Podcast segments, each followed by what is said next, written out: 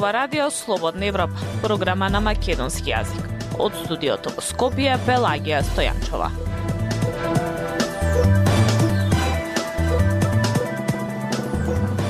Во денешната емисија на Радио Слободна Европа објавуваме и да имате валидни документи со Република Македонија по 12 февруари следната година нема да ви важат диабетичарите во агонија, или нема инсулин, или нема средства за мерење и контрола на болеста. ВМРО ДПМН ќе учествува во собраниската расправа за уставните измени. Слушајте Независни вести и анализи за иднината на Македонија на Радио Слободна Европа и слободнаевропа.мк. Сите валидни лични документи на кои стои името Република Македонија нема да важат по 12 февруари следната година, според Преспанскиот договор, велат од Министерството за внатрешни работи. Прашање е дали ќе настане хаос со оглед на краткиот период од 6 месеци во кои граѓаните ќе мора да ги променат пасошите, личните карти и возачките дозволи. Го слушаме Владимир Калински во продолжение. На 13 февруари 2024 година нема да можете да преминете надвор од државните граници со валидан пасош на кој стои старото име Република Македонија, односно од тој датум станува невалиден. Исто така, ако ве запре полиција со возило, ќе ви напише казна ако вашата возачка дозвола не е со името Република Северна Македонија. Неважечки ќе бидат и личните карти. Ниту една институција нема да ги прифаќа како важечки документ. Издадените лични карти, пасоши и возачки дозволи кои се со важечки датум, но го содржат името Република Македонија, ќе важат најдоцна до 12 февруари 2024 година, потврдуваат од Министерството за внатрешни работи за Радио Слободна Европа. Старите документи после 12.2.2024 година нема да имаат важност, без разлика кога истекуваат – со стара патна исправа нема да може да се преминува граница, ниту пак ќе биде прифатена како документ во институциите и со стара возачка дозвола нема да може да се управува моторно возило, велат од Министерството за внатрешни работи. Кусото време за замена на пасошите и другите лични документи веќе создава долга листа за чекање. Ако се обидете да закажете термин телефонски, резервација ќе добиете за околу еден месец. Закажувањето преку интернет не успева лесно, па опцијата е да се јавите телефонски. Побрзо термин се добива само по итна постапка за неколку дена, ама се плаќа три пати поскапо. Според податоците кои Радио Слободна Европа ги доби во мај годинава, тогаш само 40 од 100 важечките пасочи беа со новото име Република Северна Македонија. Според овие бројки, од тогаш до 12 февруари требаше да се заменат околу 1 милион важечки пасоши на граѓаните – Бројките покажуваат дека за промена на 1 милион пасоши во државната каса треба да легнат над 32 милиони евра, доколку сите граѓани се одлучат да ги променат. Побаравме од МВР нови податоци, но до објавувањето на прилогот не ги добивме овие информации. Дилемата е дали постојат некакви опции, односно дали Министерството за надворешни работи размислува рокот да биде пролонгиран за оние граѓани кои нема да успеат да ги променат своите лични документи – Одговор не добивме од министерот за надворешни работи Бујар Османи. Преспанскиот договор со Грција беше подпишан на 17 јуни 2018 година. Но критиките до институциите се дека иако роковите од договорот почнаа со промената на уставот во февруари 2019 година, тие не започнаа навреме да издаваат лични документи со новото име Република Северна Македонија. Така, граѓаните кои вадеа лични документи во текот на 2021 година повторно ги добиваа со старото име Република Македонија. Сега тие одново треба да плаќаат за нови документи. Освен промената на важичките документи, граѓаните сега за нив ќе плаќаат и повисока цена, откако владата во март донесе таква одлука.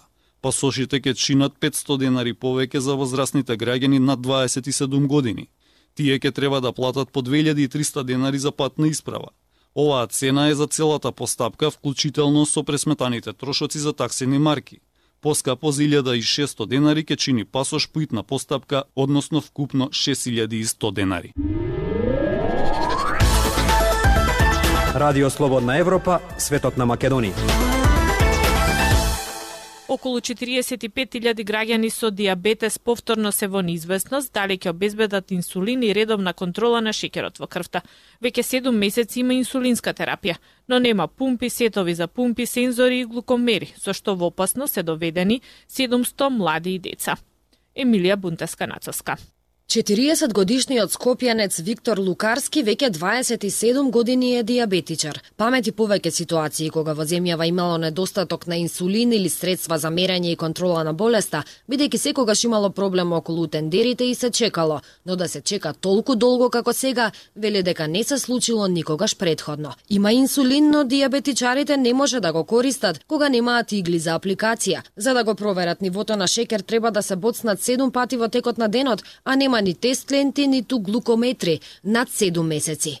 Виктор во борбата не е сам, но средствата на сојузниците се исцрпени. Сојузот, заедно со локалните здруженија кои што се 29 на број, заедно со а, делот фармацевските компании кои што а, на наша среќа донира глукометри, апаратчини, така натаму кои што се делани социјално загрозените семејства, на деца, сите средства наши и нивни се веќе за тоа што оваа агонија трае предолго. Вели Лукарски, кој е и член на надзорниот одбор во Сојузот на Сдруженијата на диабетичарите на Македонија. Проблем е и што ги нема новите терапии кои помагаат многу дури на лицата со тип 2, а кои како што вели Лукарски, според Министерството и фондот постојат, меѓутоа никако да стигнат до диабетичарите. Според него се се врти во некој магичен круг поради заглавување во тендерски и административни процедури, многу смени на министри и еден куп бирократија. Како се снаоѓаат македонските диабетичари? Пазари. Во недостаток на средства дома, често чарето се бара преку граница и се празни джебот. Македонскиот граѓанин најчесто купува од собствени средства. Се што може да купи и сензори за континуирано мерење се носат од странство. Вели Лукарски. Тоа е дециден дека некористењето на инсулин и намањето на основна контрола на диабетесот доведува до тешки компликации и смрт. За диабетес тип 1 не постои друга терапија освен инсулински инекции и пумпи. Многу од членовите во Сдруженијето за лица со диабетес Алегрија, каде членува Виктор, веќе не нарачуваат од странство бидејќи веќе се иселиле. И други постојано размислуваат да заминат за секогаш во држава каде ќе можат да живеат живеат нормално со болеста. Податоците од Сојузот покажуваат дека најмладите диабетичари во земјава се бебиња на околу 6 месечна возраст. 150.000 граѓани се диабетичари, од кои 45.000 се на инсулин, сетови за пумпи, сензори, глукометри, недостасуваат и за 700 деца и млади кои најчесто имаат диабетес тип 1. Додека сум јас министер, доцнење на набавки за лекови повеќе нема да има. Ова им го порача министерот за здравство доктор Фатмир Меджити на денешната средба со представниците членовите на Сојузот на Сдружение на диабетичари. Правиме се во наша мок што побрзо да се завршат правните процедури, кои како институција мора да ги почитуваме.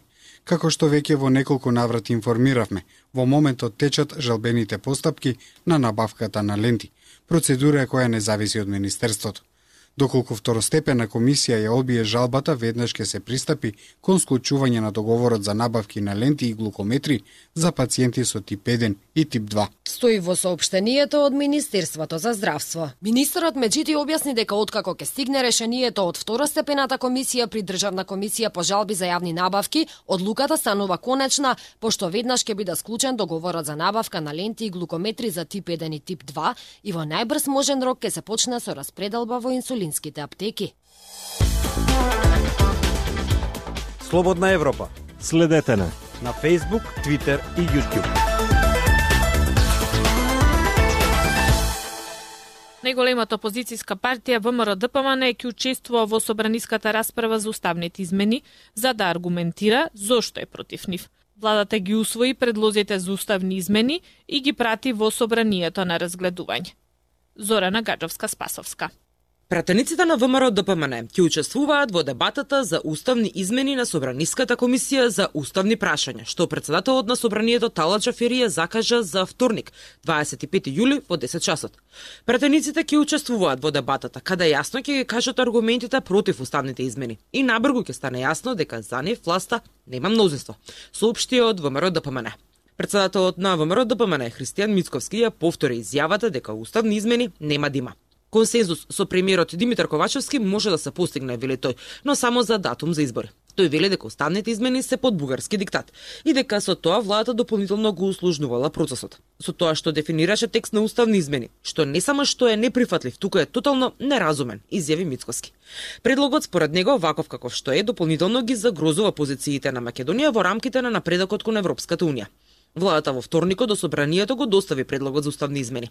Интервенциите во уставот, како што посочиот владата, се однесуваат на додавање делови од народи во преамбулата и членовите 49 и 78 од уставот, при набројување на деловите од народите во државата.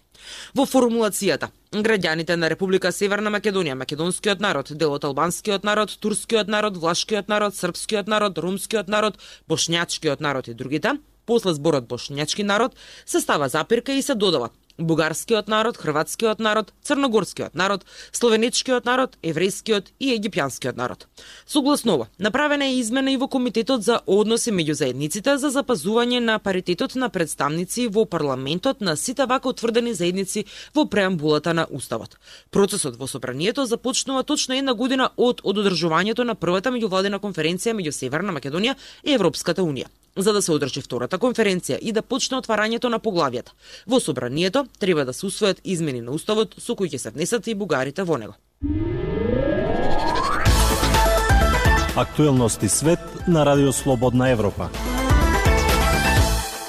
Двете Кореи ги дели само селото Панмунџом.